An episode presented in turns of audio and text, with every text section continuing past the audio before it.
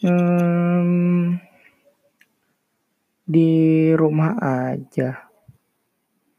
Hmm, sebuah kata yang orang lain nggak bisa menerimanya. Karena bagi dia rumah bukanlah tempat yang aman baginya.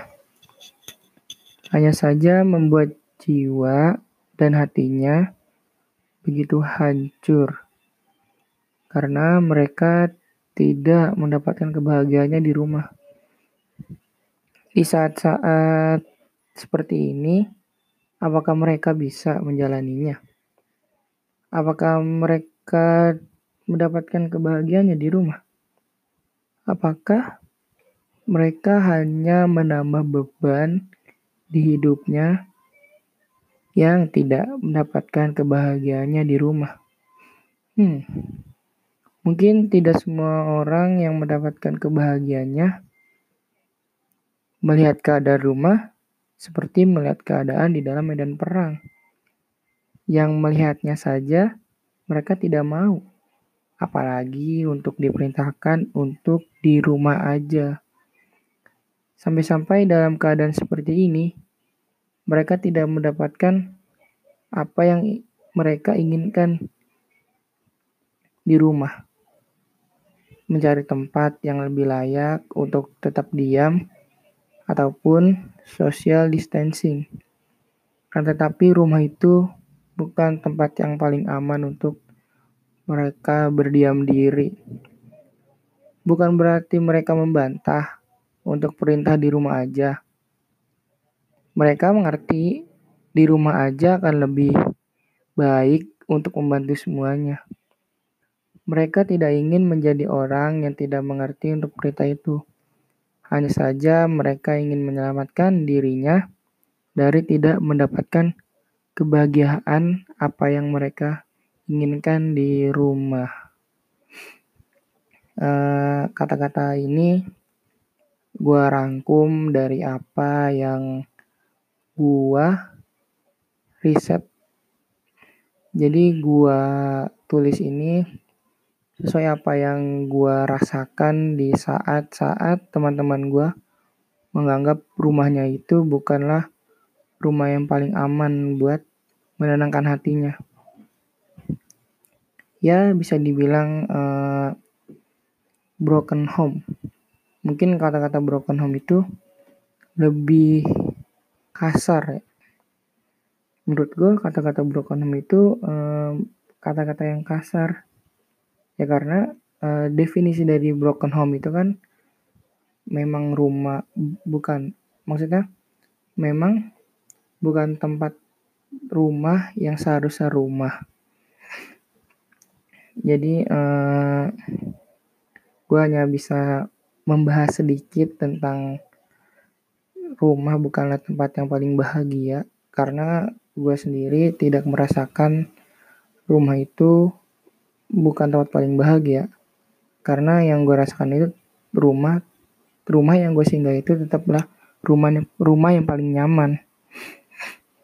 Jadi tadi gue upload instastory gue ingin bertanya sama teman-teman gue tentang rumah bukan tempat paling bahagia. Uh, teman-teman gue mengkomen uh, ini gak banyak sih cuman mungkin yang mereka komen itu ada sebagian yang mereka alami atau memang sebagian mereka cuman ingin menanggapi. Uh, di sini gue nggak akan sebut namanya, cuman gue akan bacakan apa yang mereka bilang. Yang pertama, rumah akan terasa tempat yang sangat muak ketika sikonnya nggak bagus dan jadi jarang pulang.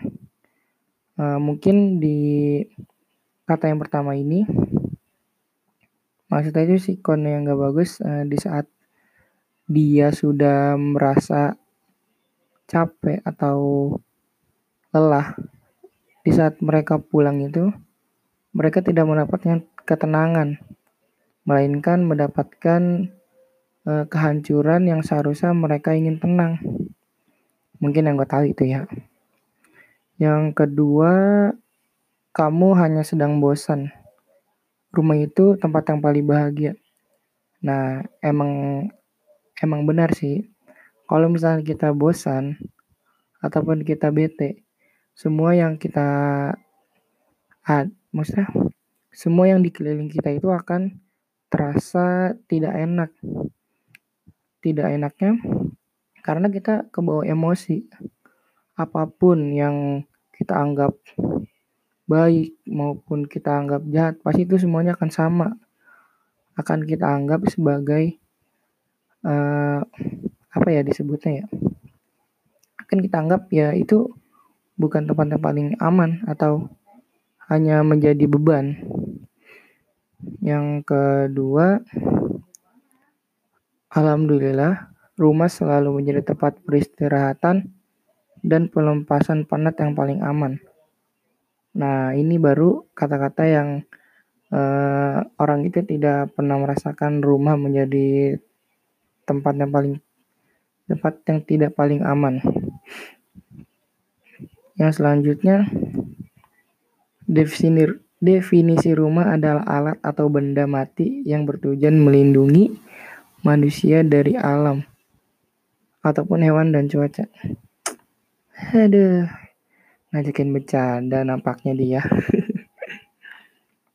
Yang selanjutnya, banyak orang bilang rumah adalah tempat berteduh. Namun sayangnya tidak semua orang merasakan hal itu. Nah, dari kutip, dari kutipan yang tadi barusan gue bacain, itu adalah realita yang dia alami.